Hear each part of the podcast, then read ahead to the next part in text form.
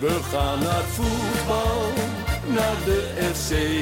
En dan is het Dat eh, is Jan van Dijk die heeft het beslist. Ja, fantastisch natuurlijk. Is tegen Ajax of bij een oor. Roestak en het is 2-0. Juichen wij als FC Roestak met zijn tweede. Juichen wij als FC Groningen weer scoort. Conforminder de podcast, aflevering nummer 27. Mijn naam is Maarten Siepel. Tegenover mij zit als natuurlijk altijd Thijs Faber. Goeiedag. En de gast van vandaag is de huidige hoofdopleiding bij FC Groningen, Peter Jeltema. Goedemorgen. Welkom. Ja, eigenlijk de reden dat uh, Peter hier zit, komt ook een beetje door onze eindredacteur eh, Wouter Holzappel. Die, had, eh, die was ooit bij een perspraatje, hoorden wij eh, van hem. En eh, die, eh, die vertelde ons dat eh, jij had gezegd dat, we, dat er eigenlijk een podcast moest komen... een beetje over de eh, opleiding of over jeugdopleiding in het algemeen. En dan refereerde hij vooral naar dat eh, BVO's op eh, eigenlijk te, ja, jongens op te jonge leeftijd eh, scouten eh, ja, in het land en ook in het buitenland natuurlijk. Dus vandaar dat we dachten van, nou, daar kunnen we het ook mooi over hebben. Dus dat gaan we straks ook even zeker doen. En het is FC Groningen gerelateerd uiteindelijk, dus het, past allemaal in het plaatje. Maar laten we eerst toch even, Thijs, kort terugblikken op de wedstrijd tegen ADO Den Haag. Een keurige 1-0 overwinning. De goal van Rex Immers, eigen doelpunt. Ja, Ja, een maar etje. de wedstrijd zelf eh, was natuurlijk helemaal niks. Nou ja, het was, eh, het, het was... Ja, Groningen had de boel eh, weer nou ja, ordinair dichtgetimmerd, zeg maar. Dus dat, dat zat wel goed. Er werd ook wel wat gecreëerd. Uiteindelijk scoor je via een eigen goal. En ja, maar ja, de tweede helft heb je gewoon volledig gedomineerd. En het feit dat je gewoon in eigen huis tegen ploeg als ADO... die toch wel voor de winterstop gewoon boven Groningen stonden... dat je daar gewoon thuis eigenlijk vrij makkelijk van wint. Ik heb niet echt het gevoel gehad dat ADO nog... eh, überhaupt terug in de wedstrijd zou komen. Dus eh, nou ja, ik denk drie punten en eh, daar is de rest ook mee gezegd. Ja, natuurlijk. Ik wil wel even trouwens zeggen dat Zeefuik weer een ijzersterke wedstrijd speelde. Ja, die was weer lekker bezig. Die had op een gegeven moment had hij, twee balveroveringen achter elkaar. En vervolgens stond hij ook alweer ergens op de rechterflank om de voorzet te gaan geven. Ja, dat, dat was een klasse wedstrijd van hem. En waren er verder ook nog space waarvan je dacht, Thijs, van, nou, die viel mij toch positief op. Ondanks dat de wedstrijd niet echt heel eh, interessant was. Zeker niet voor de neutrale kijker. Nou ja, Ludovic Reis natuurlijk weer eh ijzersterke pot. Die was echt eh, weer het hele middenveld aan het bestrijken. En ja, ik vond El Ankouri ook echt heel leuk invallen. Bracht echt wat extra dynamiek in de aanval. Was ook meteen weer acties aan het maken. We hebben het er vorige week natuurlijk over gehad van wat er ook gebeurt. Hoe vaak het ook mislukt. Mo El Ankouri zou acties blijven maken. Nou ja, hij heeft ook een actie gemaakt. Die ging wel aardig internet over, zeg maar. Eh, een dubbele panna, geloof ik. Ja, dat soort dingen zijn gewoon leuk. En dat, dat maakt toch een saaie 1-0 net even wat leuker. En Buis noemde toch ook bij El, eh bij eh, in het interview met Fox ook... dat hij niet heel ver van de basisplaats af zit. En dat hij ook zeker met een beetje een dubbele programma straks... met eh door de weekse wedstrijden zeker wel kan rekenen... dat hij een keer een basisplaats gaat krijgen. Nou, lijkt me een hele goede zaak. Eh, het is natuurlijk, toen hij werd overgenomen, was ik en heel veel mensen waren een beetje sceptisch over, over die overname. Maar eh, nee, ik denk dat, dat hij tot nu toe heeft laten zien dat het echt wel toegevoegde waarde kan zijn aan de selectie. Ja, nu noemde jij ook zo net eh Ludovic Reis. Peter, hoe kijk jij eigenlijk als natuurlijk hoofdopleiding... naar de ontwikkeling van Ludo?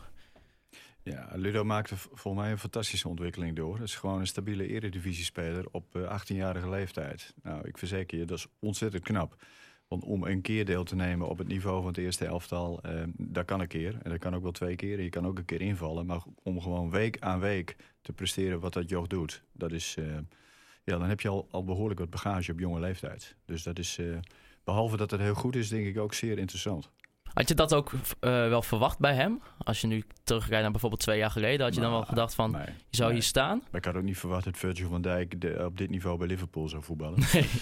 Ehm, dat, is, dat, is, dat is ook volgens mij wat eh, opleiden en ontwikkelen zo moeilijk maakt. En om, eh, om daar hele goede referenties op te, op te hebben en te houden.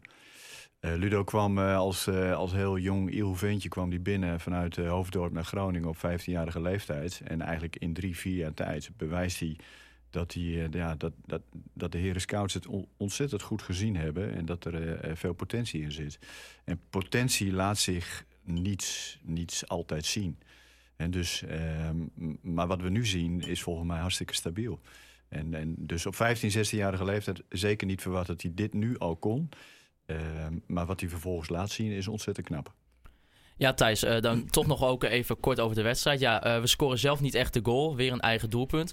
En dan vroeg Mart Koops voor zich ook af. Ja, baat het jullie ook een beetje zorgen dat ondanks de goede resultaten... er toch ja, wel weinig velddoelpunten worden gemaakt eh, bij ons in de ploeg? Ja, dat is de kritiek denk ik op dit moment.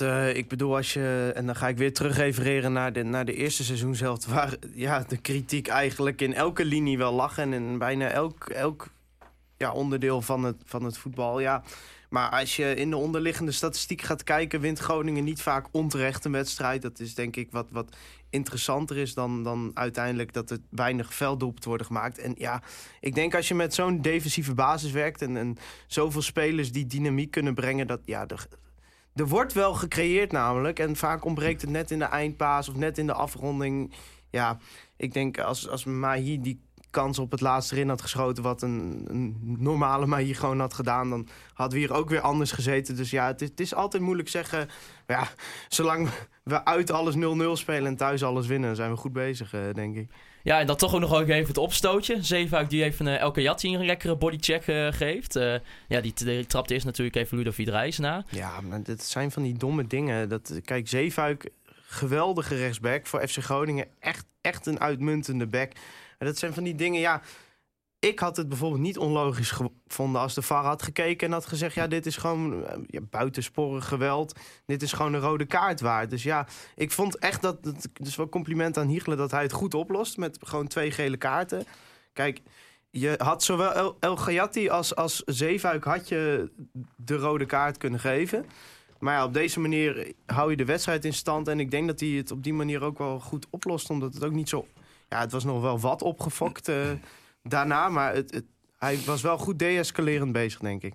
En ik denk daarbij bij datzelfde opstootje dat het ook net niet echt handig was dat Danny Buis zich er ook in ging mengen. Die ging er toch een beetje tussen staan. Kreeg toen ook nog Ja. een trap van Geraldo Becker in Ja, zijn maar knie kijk, dat, dat zijn gewoon van die dingen en dat, dat, dat gebeurt wel eens. Ja, nou ja. Hè, allemaal weer vergeten. De drie punten zijn binnen. punten, 35 punten binnen. Precies, en da- dat was toch uiteindelijk wel een beetje de doelstelling. Eh, nou ja, we kunnen wel zeggen dat we veilig zijn in principe. Vier, vier punten achterstand op Heracles, die eh, toch wel weer won dit weekend van Vitesse met 3-2. Ja, dat je dat midden maart eh, kan zeggen, dat had ik echt niet verwacht. Maar Nee. dat zeg ik bijna elke week hier. Dus. Ja, Peter, eh, wij wouden het ook even over jou eh, persoonlijk hebben. En eh, mijn eerste vraag was eigenlijk... eh, ja, je zit nu al heel lang bij FC Groningen. Nou, nog langer dan Thijs oud is zelfs. Ehm, hoe ben je in eerste instantie bij FC Groningen terechtgekomen? Nou, dan moeten we terug naar de vorige eeuw, hè? Ja. Ik kwam in eh 98 kwam ik als een soort van jongste bediende, zo noem ik het altijd. Kwam ik als jeugdtrainer binnen bij de toenmalige onder 13. Het, dat heette nu onder 13, toen de D1.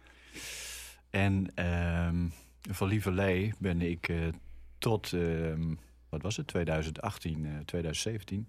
ben ik eh, verbonden geweest aan FC Groningen. Dus begon als jeugdtrainer, twee jaar lang eh, het jongste team... Ehm, daarna vrij snel tot mijn eigen grote verrassing hoofdopleiding geworden in 2001. Ehm, en in 2014 wederom tot mijn eigen verrassing technisch manager geworden.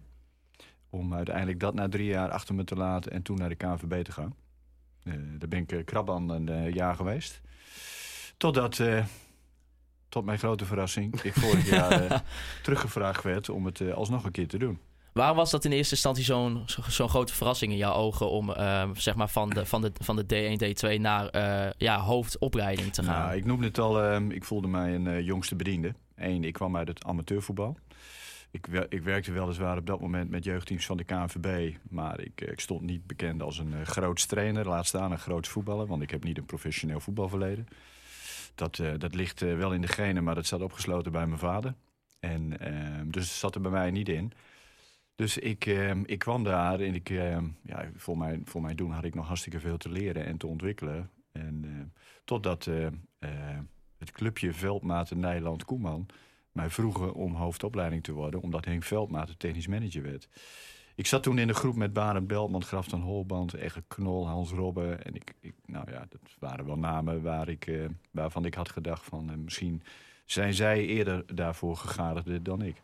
ja, precies. Is dat ook een, een, misschien een, een compliment waard aan, aan degene die dat toen gedaan Omdat het, het is natuurlijk een algehele trend in, in de voetballerij... dat heel veel wordt gebaseerd op namen. Heel veel, heel veel trainers worden geselecteerd puur omdat ze de naam hebben. En, en ja, toch wordt dan uiteindelijk wordt, wordt jij gekozen in plaats van dus die bekende namen is. Is dat, nou ja, een compliment wil ik niet zeggen, maar dat lijkt me best vreemd voor die tijd.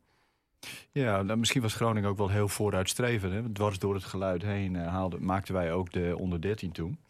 Daar waren we nog niet toe bevoegd in de licentie van, eh, van de BVO. Maar ehm, de club deed dat wel. En ehm, heeft daarmee waarschijnlijk ook wel in Nederland ook wel iets doorbroken.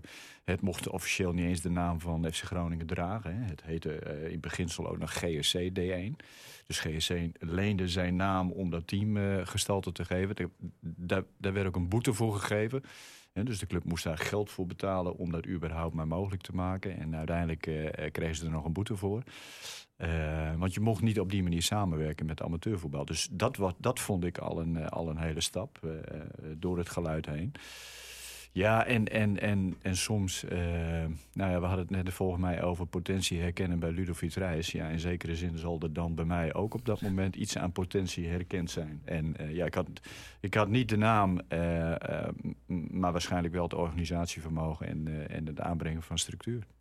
Sta je daar zelf ook een beetje zeg maar, zo in dat, dat voor jou de, de kwaliteit van iemand belangrijker is dan de naam? Omdat ja, in de voetballerij is heel veel gebaseerd op opportunisme en, en, en inderdaad zo'n naam en wat iemand als voetballer gedaan heeft. Ja, nou, nee, ik sta me niet blind op namen, zeker niet. Ehm, een, een, een, het, heeft, het heeft aan beide kanten eh, heeft, kan het een positief effect hebben. Hè. We hebben eh, eh, voetbaltrainers in de opleiding die een eh, heel HBO-programma doorlopen hebben, pedagogisch didactisch heel goed ontwikkeld zijn en hun trainersdiploma's gehaald hebben. Daarbij enorm geïnvesteerd hebben. Nou, die zijn zeg maar via de ene kant binnengekomen. En aan de andere kant hebben wij ex- ex-profs die eh, bewijzen dat ze in staat zijn om eh, en, en nog te willen leren en nog te willen ontwikkelen als persoon. Eh, maar die dan ook eh, de spelers weten te raken. Ja, volgens mij. Het kan allebei.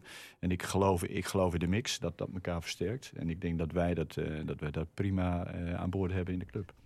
En hoe keek je dan, want je maakt dan de, de, zeg maar de switch van jeugdtrainer naar hoofdopleiding. Ehm, had je daar in het begin ook moeite mee? Of was het wel gelijk een functie die je goed bekleedde in je ogen? Ik wist bij God niet wat ik moest doen. En, en, eh, nee, ja, en hoe ging dat dan? Eh, Dat, Veel- is, dat, is, dat is ontzettend natuurlijk verlopen. Ehm, kijk, toen hadden we nog niet het aantal teams dat we nu hebben. Toen stond een opleiding misschien ook nog net ietsje verder eh, naar achteren dan dat ze nu staan. Eh, dus ik heb het in een heel mooi geleidelijk proces mogen leren van de mensen om me heen. En ik noemde net al een, net al een aantal. En eh, Erik Mulder was daar als financieel eh, manager op dat moment ook nog bij verantwoordelijk. Dus ik heb in mijn omgeving daar heel veel van mogen leren. En ik kom met alle vragen terecht bij de mensen die, met wie ik samenwerkte. Waarbij het in eerste instantie echt veel ges- geschoold was op, op organisatie en structuur. En later pas veel meer op inhoud. Dus het heeft, ik heb de tijd gekregen om dat op deze manier te mogen doen. En ehm, eh, dat, dat, dat zorgt er ook voor dat Groningen een hele bijzondere plek in, eh, eh, dat, ja, bij, mij, bij mij heeft. En dat ik, eh, dat ik ook koester van, van en, en donders goed weet waar ik vandaan kom. Maar daardoor ehm, eh, ben ik misschien uiteindelijk ook wel veel meer de opleider dan de, de resultaatgerichte manager. En dan nou, op een gegeven moment eh, maak je ook dan weer raad de switch eh, naar technisch manager. Je noemde het ook al een verrassing. Waarom was dat ook weer een verrassing? Ook omdat je niet de verwachte naam was? Nou, ehm, ja, ik kan me hartstikke goed voorstellen dat, eh, dat, dat je voor een technisch manager iemand haalt die redelijk door de wol ge- geverfd is en, en, en, en ook snapt wat daarvoor nodig is.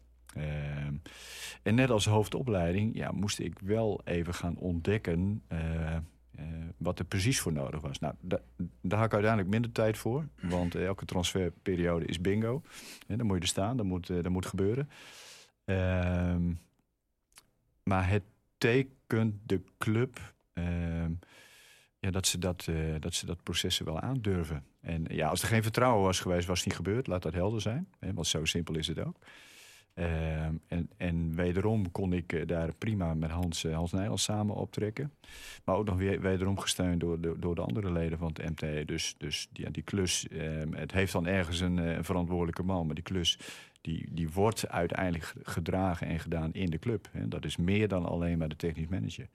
Ehm, doordat ik denk ik 14 jaar lang hoofdopleiding was geweest op dat moment. En in het land ook nou, redelijk wat kennis en kunde heb opgedaan. ehm, denk ik dat ik ook op dat moment wel die functie kon bekleden. En, En- ik was er ontzettend nieuwsgierig naar. En, en kijk, ik had ook nee kunnen zeggen.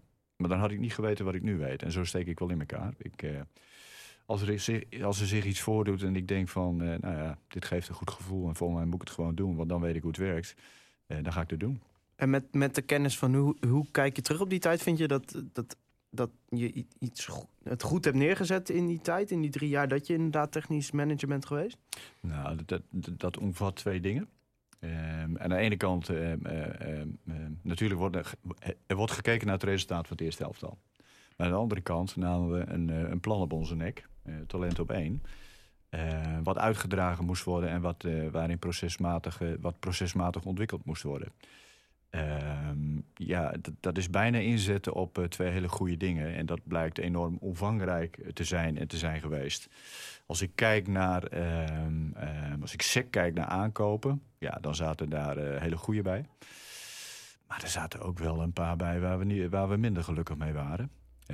En die, eh, die een te weinig, eh, eh, eh, een- te geringe bijdrage hadden als het gaat om presta prestaties bij het eerste elftal. Dus ach, daar ben ik voor mezelf wel heel, eh, heel kritisch op. Eh, als ik kijk naar de ontwikkeling van, eh, van het totale plan in de club, dan denk ik dat we heel wat eh, in de benen hebben gezet en wat, waar we jaren mee vooruit kunnen. Dus daar ben ik heel tevreden over. En dat heb je natuurlijk na je jaar KNVB weer mogen oppakken. En weer opnieuw in de functie hoofdopleiding. Heb je ook het gevoel dat die functie je beter ligt dan technisch manager?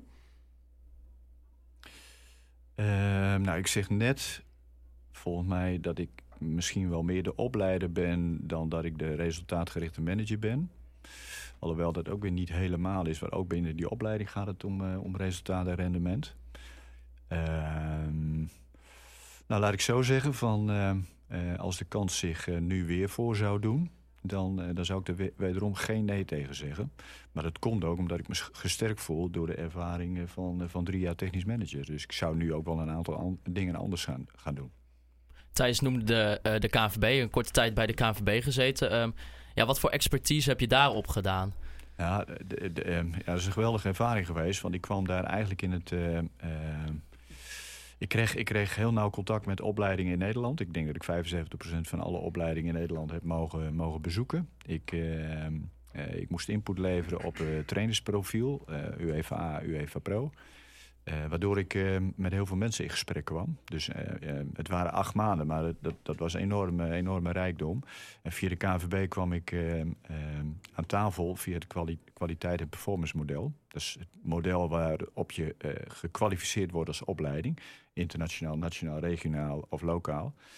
En ehm, ehm, nou, wat ik toen in ieder geval heel goed kon zien... wat we in Nederland gemiddeld genomen doen in opleiding. Ehm, ja, en daar liggen niet hele grote eh, verschillen eh, aan de grondslag. Eh, geld maakt daar wel een enorm belang- belangrijk verschil. Als je heel veel geld hebt, kun je heel veel goede mensen aantrekken... en kun je heel, heel veel goede voetballers aan, aan je binden. En als je minder hebt, ja, dan, dan, moet je, dan moet je creatiever zijn. Dan moet je het op een andere manier doen. Nou, ik denk dat ik daar wel gezien heb... dat wat er in Groningen gebeurt... ja, daar wordt met argusogen naar gekeken. Dat, eh, eh, dat, maakt, eh, dat maakt wel indruk op mensen. En, en dat, dat vond ik wel mooi. Dus hoe vaak ik niet gezegd heb van... joh, voor mij moet je eens even contact opnemen met die en die van Groningen. Want eh, daar zijn ze met dat en dat bezig. En, dus dat vond ik heel positief om dat op die manier te ervaren. En dan, ja, hoe kijk je dan inderdaad van in vergelijking Groningen met bepaalde andere clubs? Wat is er dan precies anders in hoe er wordt Nou, ik denk dat ik nu naar het trainingsprogramma kijk, wat er ligt.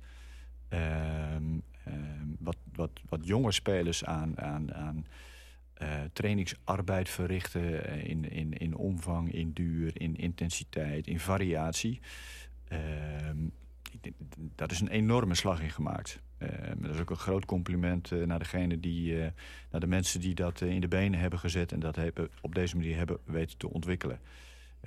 Dat gebeurt niet zoveel in Nederland. Ehm, we, we, we, leiden in Nederland ook wel. eh, eh, ehm, de 11 tegen 11 is toch wel een hele belangrijke. Alle afgeleiden daarvan zijn toch wel belangrijk. En die zijn ook belangrijk.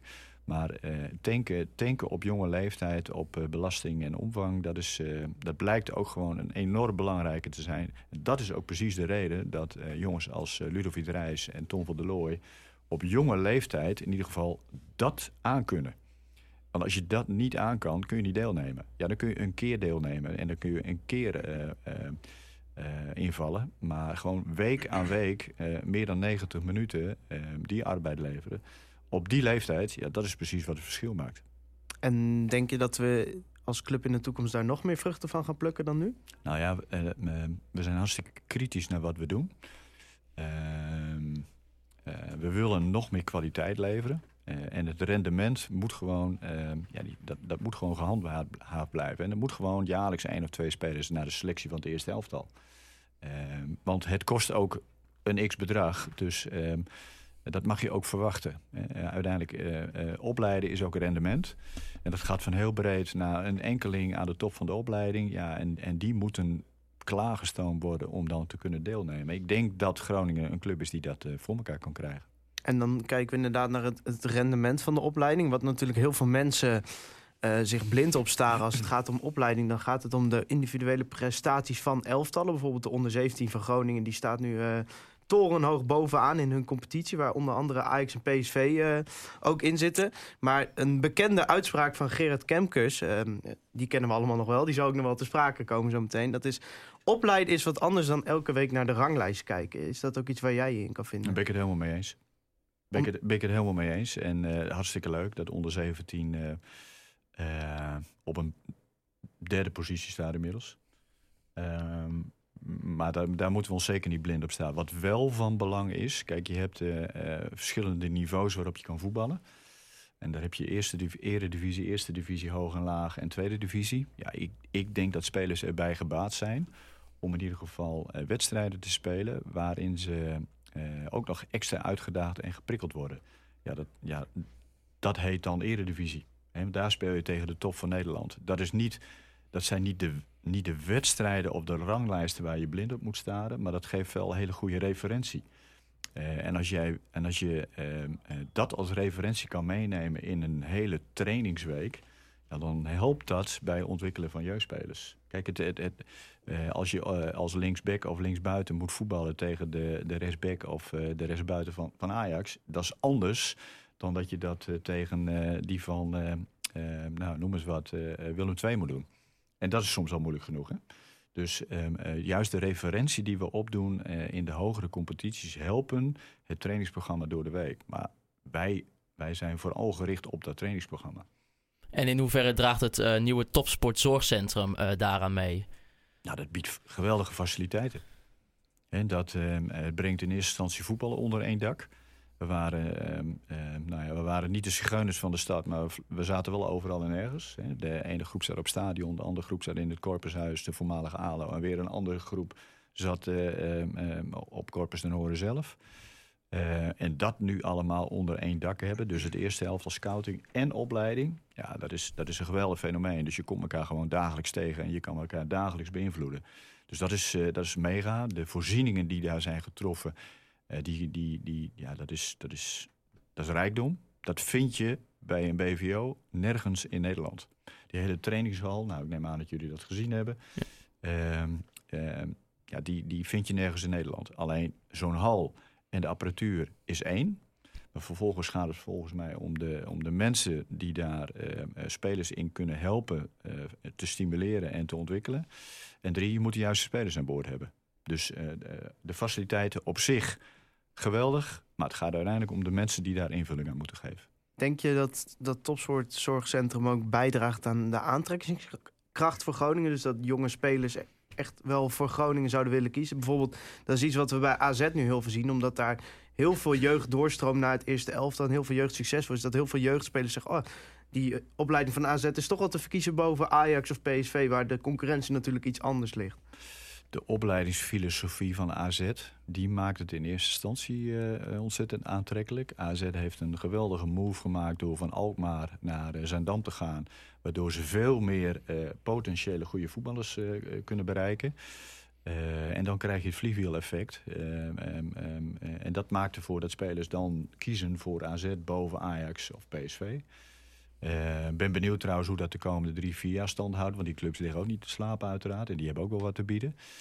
Ehm, als ik kijk naar de aantrekkingskracht van het Topsport Source Centrum. Ja, dat is, een dat is wederom een geweldig middel. Eh, eh, en natuurlijk maken we daar ook eh, eh, al, al volop gebruik van door eh, eh, spelers, ouders mee te nemen in dat, eh, in dat gebouw om te laten zien waar we toe in staat zijn. Maar dat zegt uiteindelijk nog niks hoe we het aan, daadwerkelijk op inhoud doen. Maar dat het helpt, dat is, dat is overduidelijk. En, en over de opleiding van AZ gesproken, eh, wordt dat wel eens als inspiratiebron gebruikt, hoe zij de boel hebben aangepakt daar? Ja, zonder meer. Ik denk dat, eh dat AZ een, eh, een voorbeeld is van hoe het in Nederland zou kunnen. Ehm, alleen op het moment dat je, ehm, dat je daarmee begint. Kijk, zo'n voorsprong eh, als AZ heeft op, op al die andere BVO's en al die andere opleidingen, die ga je niet zomaar even inhalen. En ik vind ook dat Groningen het moet doen op de manier zoals Groningen dat zou kunnen. Ehm, en AZ doet, AZ doet dat geweldig, is zeker inspiratiebron. We, doorgaans, we hebben sowieso in Nederland goed contact met alle collega's. Of dat nou eh, AZ is, of dat nou Utrecht is, of dat nou PSV is, dat maakt niet zoveel uit. Dus we weten ook veel van elkaar. Ehm, het gaat er uiteindelijk wel om eh, tot welke keuzes ben je in staat en wat wordt uiteindelijk de filosofie van, eh, van ontwikkelen en opleiden versus resultaat van het eerste helftal. Wordt er ook veel ook naar het buitenland gekeken? Want mensen bijvoorbeeld in de competities in Spanje doen, Duitsland, in die richting. Ja, zonder meer. Wij maken gebruik, wij maken gebruik van de toernooien om, eh, om ons één te meten met buitenlandse clubs en tegenstanders in dezelfde levenscategorie. Maar dat is ook vaak het podium om met collega's in gesprek te kunnen.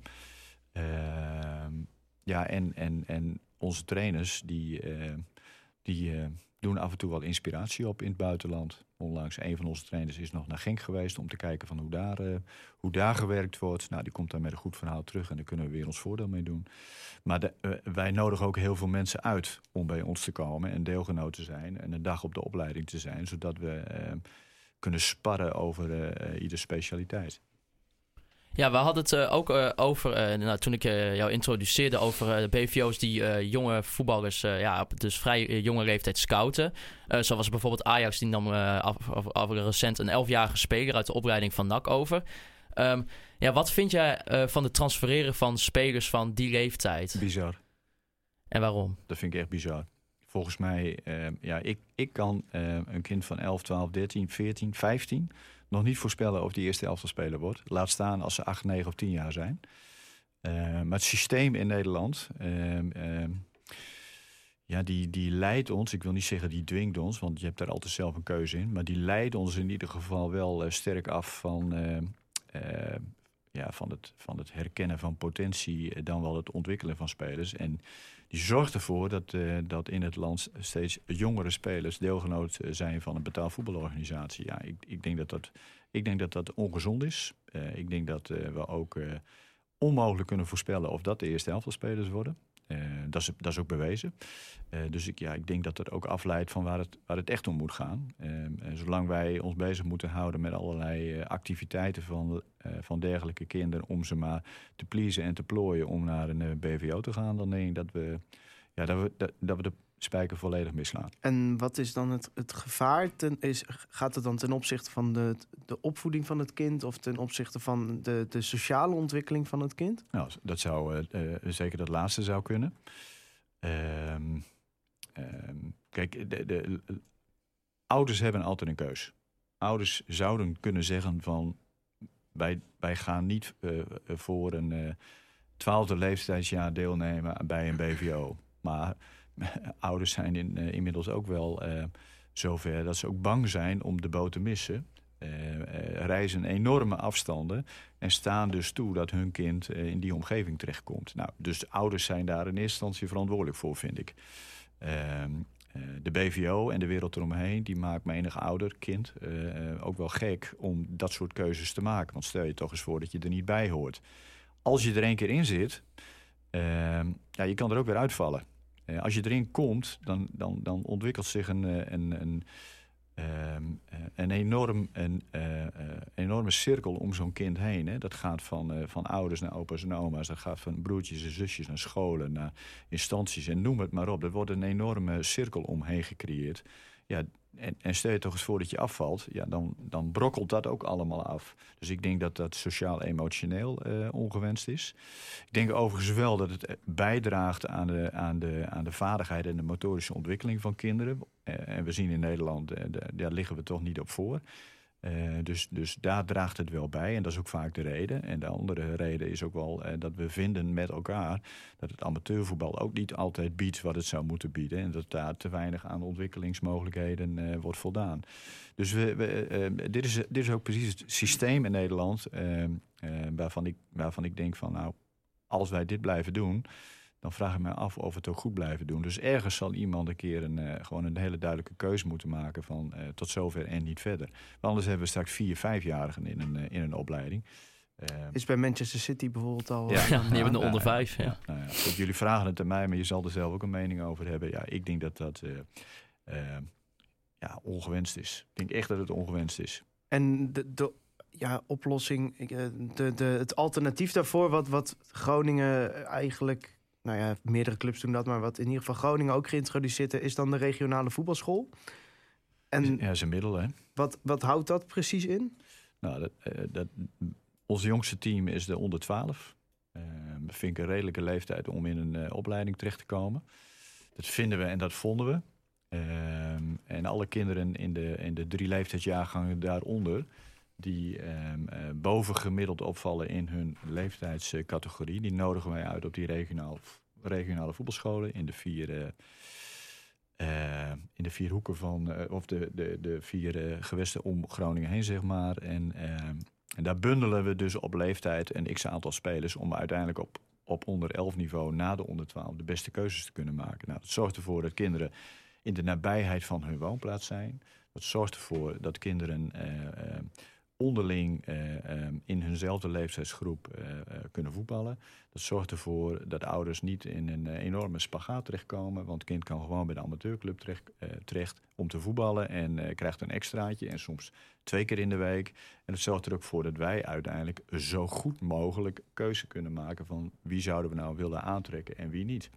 En natuurlijk heel veel mensen, kijk, je kunt zeggen het is common sense, een, een kind van 11 van Breda naar Amsterdam halen. Dat, waarom zou je het doen? Maar waarom doen ze het eigenlijk? Komt het uit angst van bijvoorbeeld in dit geval Ajax om de boot te missen? Nou, zeg er maar eens nee tegen. Ja, oké, maar dat is het perspectief van het kind. Ik heb het nu over het perspectief van de club. Waarom, waarom zou Ajax dat proberen? Ajax haalt de beste spelers uit Nederland eh, eh, naar Ajax toe. Dat is eh, de manier waarop Ajax vindt en, en in hun filosofie dat onderkent hoe het moet. In wat voor rol spelen zaakwaarnemers daarin? Nou ja, ik, ik durf niet te zeggen wat voor rol ze bij onder 10, onder 11, onder 12 spelen. Ik mag hopen dat ze daar eh, nog niet te actief zijn. Eh, maar vanaf 15 jaar zijn ze er nou natuurlijk zeer actief bij. En ja, het is, eh, ik heb laatst een, een, een artikel daarover gelezen inderdaad. Je hebt dus de zaakwaarnemers. Officieel is de, een beetje de vuistregel is... eh, onder de 15,5 blijf je eraf. En sowieso internationaal onder de 16. Maar wat al vaak gebeurt is dat in ieder geval op, op die leeftijd... dan hebben we het over 12, 13 jaar... dat de ouders alvast eh, in de watten worden gelegd. Dus dat ze... Zaakwaarnemers komen naar die, die, bijvoorbeeld Corpus toe op zaterdag... en die gaan alvast die ouders please. Wat, wat is jouw mening over dat soort mensen? Ja, die doen mee in dat systeem. Hè? Kijk, daar waar eh, misschien een speler of een ouder eh, of een club eh, bang is om de boot te missen, is de zaakwaarnemer dat uiteindelijk ook. Want sinds dat beroep vrijgegeven is, mag iedereen het doen. En ja, wil ook iedereen zijn boterham eraan verdienen. En het gaat uiteindelijk om de allerbeste spelers. Ja, daar hebben we er niet zo heel veel van in Nederland. Dus als die er al zijn, dan moet je zorgen dat je erbij bent. En ehm, ehm, ja, als dat niet, eh, eh, als je op 15-jarige leeftijd komt en het blijkt dat je dan te laat bent, dan gebeurt hetzelfde als in het voetbal. Ja, dan ga je het dus jonger proberen te werven. En dan ga je dus nog jonger proberen die relatie op te bouwen. Dus ook dit is een gevolg van het systeem. En vind je dat een gezond klimaat? Nou, eh, volgens mij, als je een tijdje naar me geluisterd hebt nu, dan vind je wel dat ik dat niet heel gezond vind. En hoe proberen jullie daar binnen FC Groningen mee om te gaan? Nou, eh, Groningen is dan toch, ja, toch in sommige gevallen nog, nog echt een beetje te ver. Eh, eh, voor mij een zaakwaarnemer. Ehm wij proberen ouders informatie te geven, maar dat doen alle BVO's. Informatie te geven over eh, ja, de, de, de rol, de zin of de onzin van een zaakwaarnemer. En vroeger zeiden we altijd al van ja, je hebt volgens mij pas een zaakwaarnemer nodig als er een zaak is. Nou, dat is al, dat is al heel ver weg, want eh, daar wachten, daar wachten eh, de mensen niet meer op. Ehm, dus ja, wat je kan doen is informatie geven, is de speler en zijn ouders meenemen in, eh, in eh, eh, de kennis die wij daarover hebben. En, en, en, en, ja, en ze ook benoemen dat als iemand zich meldt en ze zouden daar wat over willen weten, of ze zouden daar met ons over willen sparren, dat we daar open voor staan en dat we er ook wel een mening over kunnen geven. Maar uiteindelijk, ja, wij kunnen zeggen wat we willen, maar als ouders vinden dat dit erbij hoort en dat ze hier toe over willen gaan, dan gebeurt dat. Hè? Heb je ook wel eens het gevoel van, eh, nou ja, het corpus eh, is ons terrein. eh, we houden de deur dicht voor zaakwaarnemers? Nee, zeker niet. Zeker niet. Ik heb ze liever binnen, want dan kan ik er met ze over praten, dan dat ik ze afstoot. Ehm, want ik denk dat dat dan nog een betere methode is. Voordat we eh, het nog even weer hebben over de opleiding eh, binnen FC Groningen zelf, denk ik dat we eerst nog even gaan naar de Pidone van de week. Get up, get on up, get up, get on up. En in de Pidone van de week eh, bespreken wij eh, elke week de persoon of organisatie eh, aan wie wij ons meest geërgerd hebben. Eh, Thijs, brandgos. Ja, het was eh, moeilijk. Natuurlijk ja, een saaie wedstrijd. Maar eh, op de valreep was daar eh, onze eindredacteur Wouter Holsappel... die in de mixzone getuige was van een aanvaring... tussen eh Deofecio Zeefuik en eh, Lex Immers. Lex Immers die eh, natuurlijk ja, vooral de held van Groningen was... door gisteren eh, in eigen doel te schieten. Maar eh, ja, we hebben natuurlijk allemaal het opstootje met Zeefuik gezien. Ja. En toen zei Lex Immers... als hij dat bij mij had gedaan, had ik al zijn tanden uit zijn bek geslagen. En dan wil ik benadrukken dat ik citeer. Dus ehm, ja, nou, ik zou het graag zien. eh, een bokswedstrijd bijvoorbeeld of zo. eh. Ja, dat is tegenwoordig wel een beetje een ding, hè? Topsport Zorgcentrum hebben we een hele mooie hal. Daar past ook wel een boksring in. Dus, Ja, Misschien kan nee. het wel binnen de clubs even worden georganiseerd. hey, maar Lex, gefeliciteerd. Ja, en eh, Thijs, dan hebben wij natuurlijk eh, ook de quiz. Ehm, als ik toch even de ranglijst erbij pak, eh, staat Tom van der Rooij nog steeds bovenaan met eh, vier punten. Ik blijf benadrukken, dat is voor de marketing echt heel goed. Want dan kunnen wij dat gewoon op Corpus gaan uitreiken. Maar we hebben vandaag weer iemand die op Corpus is. Dus misschien kan die over Tom... En ben je goed in voetbalquizzen? Eh, Ik ben überhaupt heel slecht in quizzen. En, eh, en ik denk dat eh, Tom een geweldige koploper is. Oké, maar eh, is, je be- bent je aan het indekken nu? Nee, nee, nee, ik ben me niet aan het... Ik zeg gewoon dat ik er niet goed in ben. Oké, dus ook niet FC Groningen gerelateerd. Eh, Ik ben bang dat dat zelf niet FC Groningen gerelateerd is. Ah, dan gaan we gewoon naar vraag 1 toe. Welke speler scoorde voor FC Groningen als invaller in de eredivisie de meeste goals per 90 minuten? Zo, nou, ga door naar vraag 2 zou ik dit- één hint. Voor alle, voor alle vijf vragen heb je één hint. En dit is trouwens uit de complete historie van de club. Ja, eh, ja, Ja. ja. Nou, ga maar door naar vraag 2. Oké, dat was Michael de Leeuw, net als vorige week trouwens. Goed, vraag 2. Robert Maaskant haalde ooit de landelijke pers door in de catacombes met camera's op zich gericht te roepen dat de Zweedse bek Emil Johansson, en ik citeer, geen kut kon dekken. In welk stadion vond dit plaats? Volgens mij gewoon in ons eigen stadion. Nee, dat is fout, helaas. Oh, nou. Nee, nee, dat was Hans Nijland tegen Niklas Pedersen was in ons stadion. Dat was volgens mij drie weken ervoor. Het was in de, in de Golsvesten. Oké. Bij FC Twente.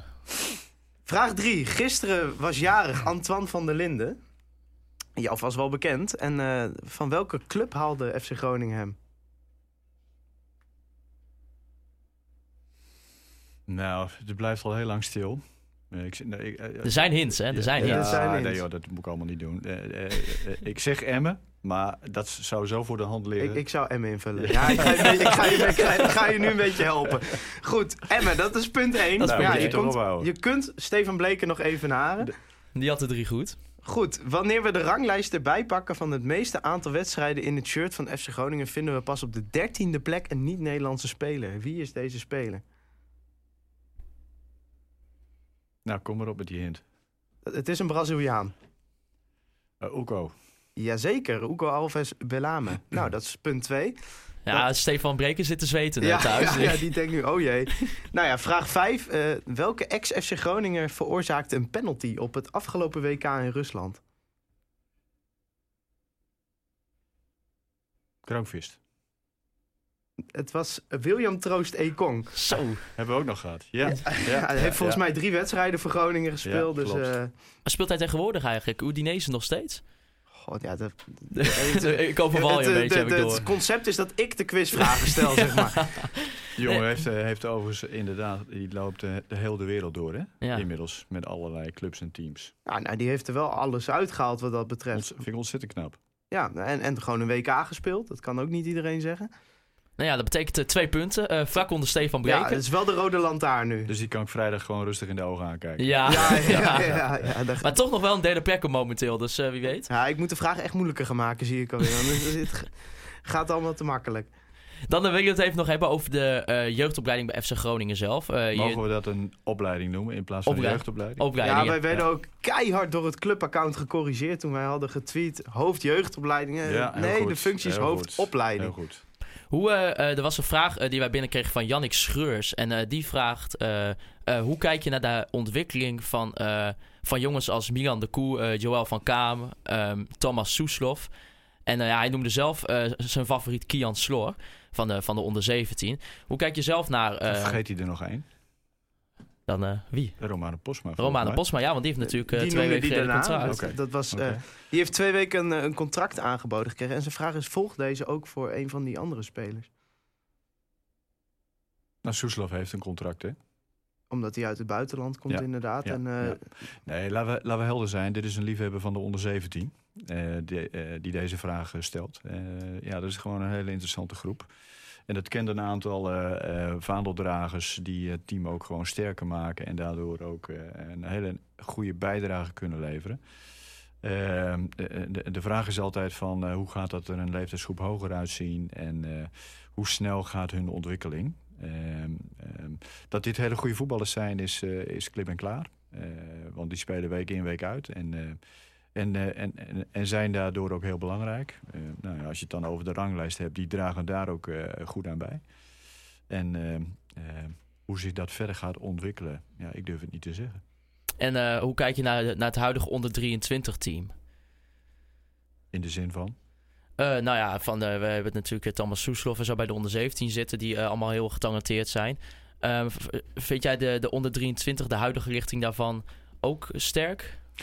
Nou, kijk, op, eh, eh, zo, een heel team van 18, 19, eh 20 spelers soms. eh, eh, ja, daar gaan er niet eh, eh, net zoveel van naar een eerste elftal. Hè. Eh, ik zeg net iets over één of twee per, eh, per lichting of per jaar leveren aan het eerste elftal.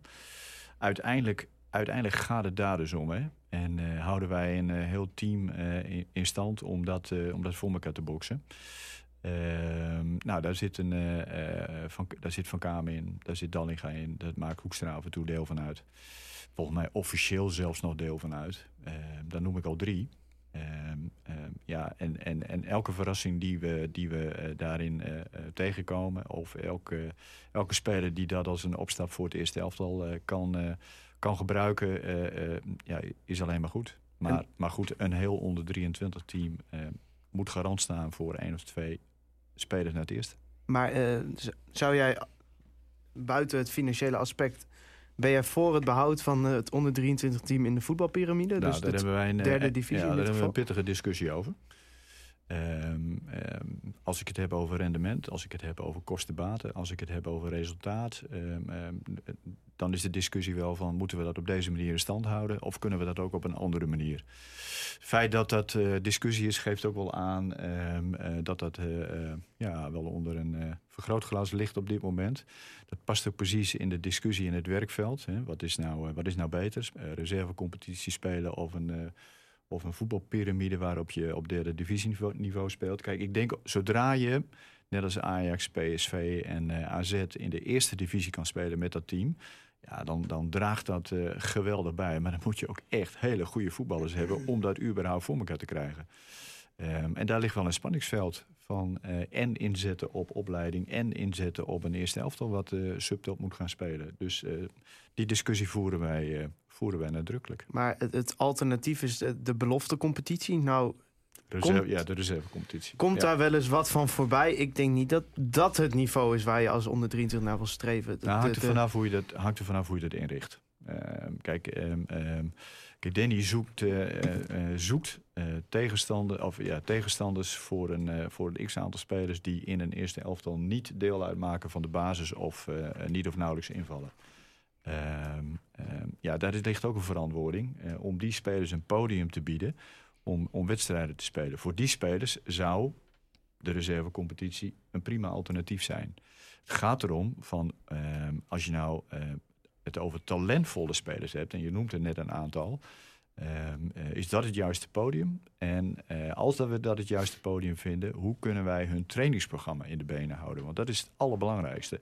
Ja, en, en, en als, je dat heel, als we dat heel goed zouden kunnen vormgeven, ja, dan is het makkelijker om dat programma voor eh, een speler of tien voor elkaar te krijgen, dan dat je dat voor uh, 2024 moet Want doen. het probleem zou dan zijn dat een, een jonge speler die in de onder 23 zit, ineens, nou ja, stel je zou tegen Heracles spelen, ineens tegen jongens als Joey Koning, eh, Joel van Nieven, gewoon de wat oudere, gelouterde Ja, spelers. maar dat is niet erg. Maar dat, dat- dat- dat- daar ligt het probleem niet. Het gaat veel meer om eh, het moment in de week. ehm, eh, gerelateerd aan een eh, volwaardig trainingsprogramma. Kijk, als je ehm ehm, eh, Leonel Miguel neemt van de onder 19... eh, die al best eh, op een behoorlijk niveau kan, eh, kan voetballen en trainen... die af en toe al met het eerste elftal meetraint... als die op maandag of op zaterdag bij de onder 19 moet spelen... een bijrol krijgt op de, op, de, op de maandag... en op donderdag of vrijdag in de 11 tegen 11 moet... omwille van het eerste elftal... Ja, dan, dan doen we inbreuk op een trainingsprogramma. En dat moeten we zien te voorkomen. Hoe kijk je naar, het, eh, nou ja, naar de wetenschap in relatie tot voetbal? Mensen die eh, toch de afgelopen paar jaar eh, dat belang van statistieken, bepaalde technologie die gebruikt wordt. Ehm, hoe kijken jullie daar binnen de organisatie naar? Nou, binnen de organisatie wordt het volgens mij omarmd. Want dat geeft de, positie van de, de wetenschap, de innovatie binnen Groningen is best wel groot. Ehm, ja, dat heeft ons al, al hele goede dingen gebracht. Kom ik weer terug op dat hele trainingsprogramma. Dat wordt volledig gemonitord eh, aan de hand van data. Aan de, eh, ja, dat is, dat- die ontwikkeling hebben we te danken aan de wetenschap. Ehm, en daar proberen we steeds een beetje verder in te ontwikkelen. Maar dat gaat niet met megastappen. Dat gaat stapje voor stapje. Zou je Ja. dat wel in megastappen willen? zou je, Nou, zou je nee, meer nee, nee, draagvlak willen? Nou, draagvlak is er volgens mij. Draagvlak is er genoeg. Maar eh, eh, eh, we moeten eh, de wetenschap, de innovatie, het is allemaal ondersteunend aan het totale geheel. En het hoeft niet leidend te zijn. Ehm, ik, ik geloof absoluut in de ontwikkeling van de data zoals we dat nu hebben. Ik geloof ook eh, onmiddellijk in de, ehm, eh, in de trainingsarbeid die we nu kunnen leveren. eh, door die data het goed te lezen. En het houdt de programma's ook heel goed in bedwang. Nou ja, zo krijgen we ook steeds meer informatie over wedstrijden. Ehm, eh, dat dan blijkt ook dat het gewoon ontzettend goed is om wedstrijden, ook voor jonge spelers, wel op het hoogste niveau te spelen. Om ook daar voldoende uitgedaagd te worden. En zo zijn er links en rechts allerlei eh, ontwikkelingen eh, die eh, fantastisch ondersteunend zijn. Maar data of wetenschap hoeft niet in voetbal leidend te worden. En als we gaan kijken, er gaat natuurlijk een hoop veranderen na dit seizoen. Er komt een nieuwe algemeen directeur en er komt een nieuwe technisch directeur. Directeur moet ik zelf zeggen. Heb je het gevoel, jouw eerste indruk dat het, het draagvlak wat er nu voor, voor jullie werk is, dat dat blijft of zelfs verbetert misschien? Ja, nou ja, zonder meer. Ik heb beide mannen gesproken. Ehm, ja, en die komen een, eh, uit een andere organisatie. En die zullen hun tijd even nodig hebben om, eh, om eh, de organisatie van FC Groningen verder te, te kennen. Ehm, maar het voortraject zal toch volledig gebaseerd zijn op dit is Groningen, en dit is het beleid en zo willen we dat we dat doen. En, en, en in hoeverre gaan zij daar eh, verder, verder eh, op ontwikkelen. Ik, ik, het draagvlak is er zonder meer en, eh, eh, en ze hebben daar ook volop kennis van genomen. Volgens mij, ehm, eh, dit is wat wij aan het doen zijn, dat is FC Groningen. Ja, en je, je hebt ook het gevoel dat daar geschikte kandidaten voor Absoluut, absoluut. Dan eh, waar ik nog wel even, eh, misschien wel eens even als laatste, aangezien we ook even naar de tijd moeten kijken, eh, wel nog even naar benieuwd was, is in het begeleiden van spelers even buiten het voetballen zelf om, naar het mentale aspect van de speler. Hoe, hoe gaan jullie binnen de, de opleiding om met ja, dat soort facetten? Ja, dat, ja, dat krijgt ook de aandacht die het verdient.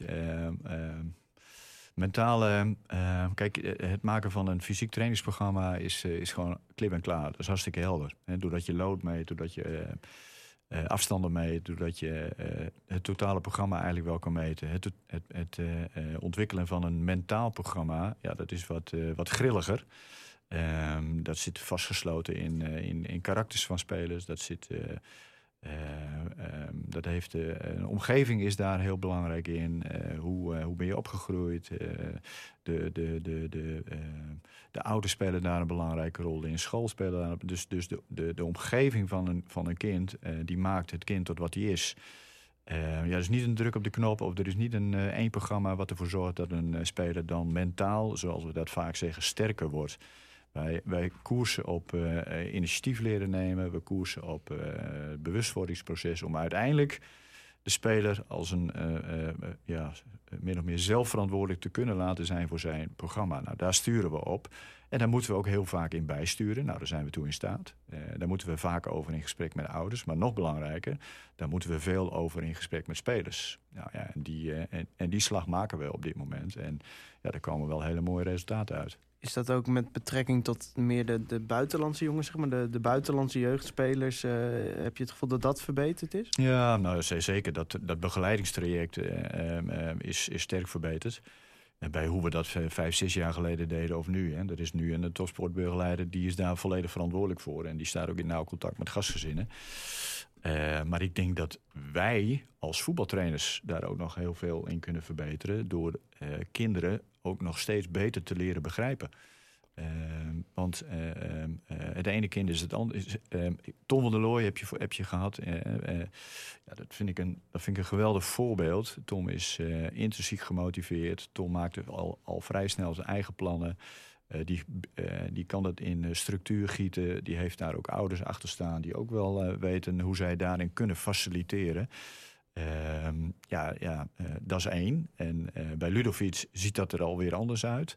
Bij Jan Hoekstra ziet dat er alweer anders uit. Eh, dat zijn allemaal voorbeelden van, nou, waar- waarbij het zich laat aanzien dat ze op de plek komen waar ze, waar ze uiteindelijk waarvoor we aan het werk zijn, hè, betaald voetbal.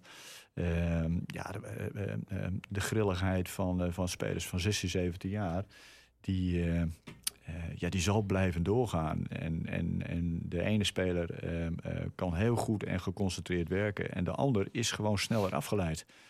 Ja, wij moeten volgens mij daar eh, de juiste modus in zien te vinden. En ik vind ook, behalve dat we spelers begeleiden, dat we onszelf daar ook nog veel beter in kunnen ontwikkelen. Nou ja, dat heeft ook, eh, dat heeft ook de aandacht die het eh, moet hebben.